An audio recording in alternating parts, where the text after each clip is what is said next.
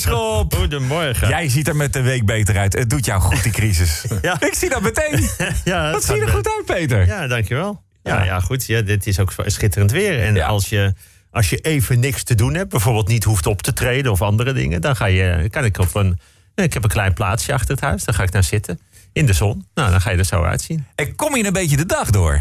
Ik kom zeker de dag door. Ja, ik ben gewoon rustig aan het schrijven, de dingen aan het voorbereiden voor als het ooit weer kan. Ja. En een beetje fietsen, een beetje, beetje, beetje rennen.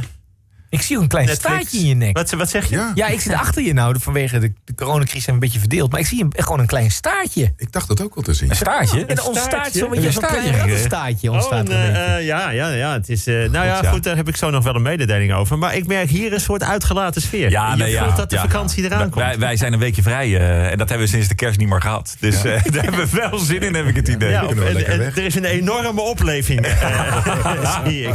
En, en het ruikt hier ook naar frituur. Klopt dat? Ja, er is ook patat geweest vanochtend. Ja. Ik kan niet beloven dat iedereen tot het eind van de column blijft zitten vandaag. Nee, dat, het zou goed kunnen zijn dat je, dat je zelf die reclame even in moet starten. dat, dat kan ik helemaal begrijpen. dat kan ik helemaal begrijpen. Nou, zullen we, eh, ja, ik wil het een beetje kort houden, want eh, ik wil naar huis. Mis- Misschien dat ik een lintje krijg. hè?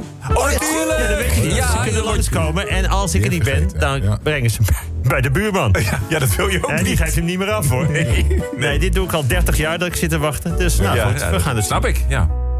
Lieve Marianne, maandag 20 april. Dinsdagavond is dan de belangrijke persconferentie over het vervolg van de aanpak van het virus. Het is wel zeker dat we elkaar erna nog steeds niet mogen aanraken. Ik mis dat heel erg, aanrakingen. Ik wil gewoon weer lekker aangeraakt worden, zomaar. Dat zei ik gisteren op straat ook nog tegen een grote Marokkaan. Die snapte dat wel. Hij zei, nou, ik wil je best eventjes goed aanraken. S'avonds toen ik zwaar gekneusd zonder tanden door een rietje zat te eten... begreep ik pas dat het Badr Hari was geweest. Weet je wie er heel onverantwoord bezig is? Roodkapje. Gaat dus gewoon elke dag bij haar grootmoeder koekjes brengen. Nou, dan heb je dus geen grote boze wolf nodig om de boel totaal te verknallen. Ik baal van al die sprookjesfiguren. Wat dacht je van Assehoester en Hans en Niesje en Maurice de Hond en de Zeven Geitjes? Nou, bijna alle sprookjes zijn heel gevaarlijk. En er zijn natuurlijk allemaal complottheorieën over het virus. Bijvoorbeeld dat het bedacht is om de verschrikkelijke effecten van het G5-netwerk te verdoezelen. Lijkt me sterk, want in Nederland was Brabant het centrum van corona. En daar hebben ze juist een netwerk met een zachte G5. Lijkt me vrij onbelangrijk. Een vriend van mij zei dat je moest kijken naar wie er het meest baat heeft bij het virus. Denk bijvoorbeeld, zei hij, aan de sporthaters.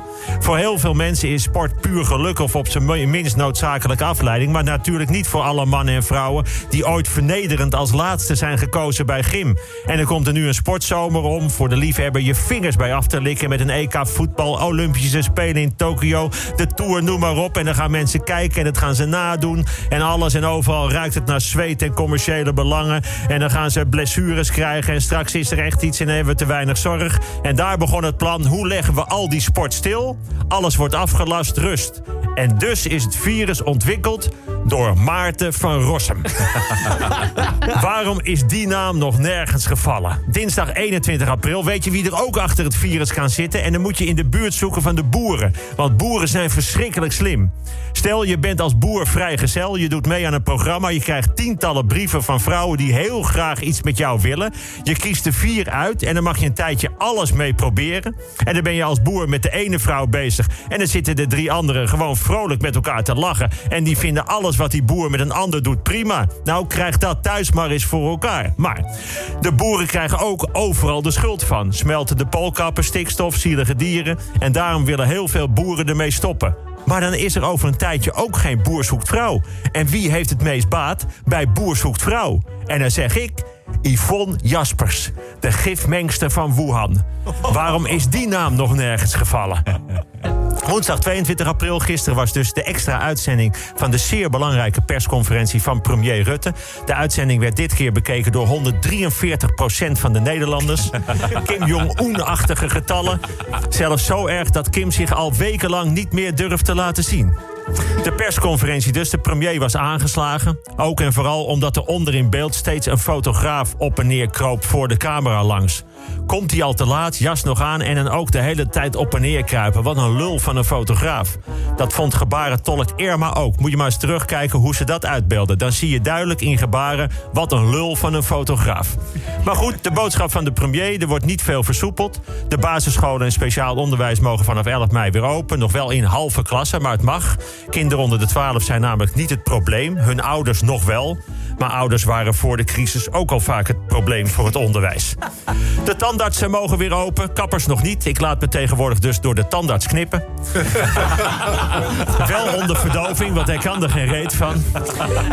En dan de sport. Kinderen onder de 12 mogen weer sporten. Ook contactsporten. Tussen 12 en 18 mogen ook weer sporten, maar met anderhalve meter afstand. Het moet wel op een eigen terrein. Mogen geen wedstrijden. Kortom, voetballen mag, maar maak er geen potje van.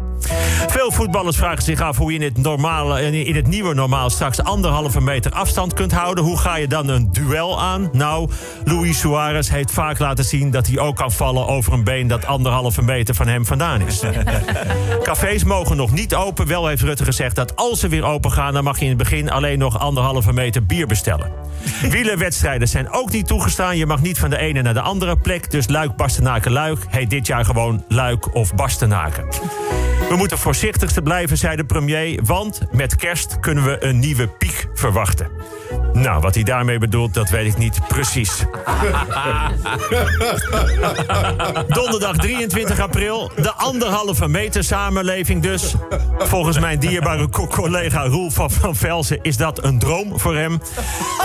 Maar hoe kunnen we de anderhalve meter samenleving beter begrijpen? Dan zeg ik door eerst wat letters te vervangen. Wat gebeurt er als je in je ene schoen een halve veter doet? Ga je dan anders lopen in de anderhalve vetermaatschappij? En wat dacht je van een anderhalf keer beter maatschappij? En aan welk woord denk je als je, eh, als je hoort de anderhalve Peter samenleving? Nou, zei mijn vrouw, een nachtmerrie. Nou, hoe dan ook, de anderhalve meter blijft belangrijk. Interessant hoe ze die meten in Zuid-Duitsland, namelijk met een gestrekte arm. Nou. Vrijdag 24 april. Op de nieuwe postzegel komt Willem-Alexander te staan met een baard. Dat is lastig. Als je eraan likt, heb je gelijk een haar in je mond. Het betaalde voetbal mag niet meer. Ik heb gevraagd aan mijn volgers op Twitter wie er dan nu kampioen is. Volgens mijn Amsterdamse volgers is 100% zeker dat Ajax kampioen is. Van mijn Alkmaars en Rotterdamse volgers vindt ongeveer 0% dat Ajax kampioen is. En mijn Brabantse volgers zegt 100% dat ze nu wel wat anders aan hun hoofd hebben. Wat ik daarom gedaan heb, is ik heb hier een envelop met loodjes. Die heb ik hier eh, liggen. Het gaat om de bovenste zes plaatsen. Elke club zit er net zo vaak in als punten die ze tot nu toe hebben behaald. Dus Ajax en AZ hebben 56 punten, zitten er 56 keer in. Feyenoord heeft 50 punten, 50 keer. Nou, ik wilde Frank laten loten, maar die moet anderhalve meter afstand houden. En volgens eh, mij heeft hij ook geen enkel verstand van voetbal. Dan beginnen we nu. Kijk, ik heb hier, daar staat keurig alle namen op. FC Utrecht staat, gaat het dus allemaal in. Ja, en dan ga ik nu de zesde plaats kiezen. En dat is geworden eh, FC Utrecht. Nou, dan ga ik naar de vijfde. Dat is geworden Willem 2. De vierde is geworden PSV. Drie is Feyenoord. En hey, deze zitten aan elkaar. Ex-Equo 1 en 2, Ajax en AZ. Nou, Dus die kunnen allebei Nou, naar zeg. de Champions League. Nou, ja. zeg. Zo makkelijk kan het. Ja, zo kan het natuurlijk niet. Ja, je kunt ook op één dag 's middags Feyenoord en Utrecht laten spelen om de beker... en s'avonds Ajax tegen AZ om de titel in één stadion. Zonder publiek, maar mag ook niet. Eigenlijk is er maar één man die geloofwaardig... met een op het eerste gezicht onbegrijpelijke... maar direct daarna briljant blijkende oplossing had kunnen komen. En dat is natuurlijk Johan Cruijff. Morgen zou die jarig zijn. Johan was van raak, van raken, van aanraken. Vaak ongrijpbaar, maar toch dichtbij. Hij was met afstand de beste. Hij kon genieten van een crisis en kwam er altijd beter uit. Voor hem had elk nadeel zijn voordeel. En wat zou hij nu hebben gezegd in deze crisis? Nou, ik vond van hem de volgende uitspraak. En die is werkelijk geniaal. Hij heeft ooit gezegd... Ik geloof dat het goed komt. En ik geloof niet, omdat ik dus niet gelovig ben... maar ik denk wel dat er iets anders is. Maar daardoor geloof ik datgene wat ik dus denk dat er is. En dan zie ik dat het goed komt. Nou, Ja. Nou. hij raakt in één zin alles aan. In één beweging versoepeling. Maandag is het Koningsdag, maar morgen eigenlijk ook een beetje.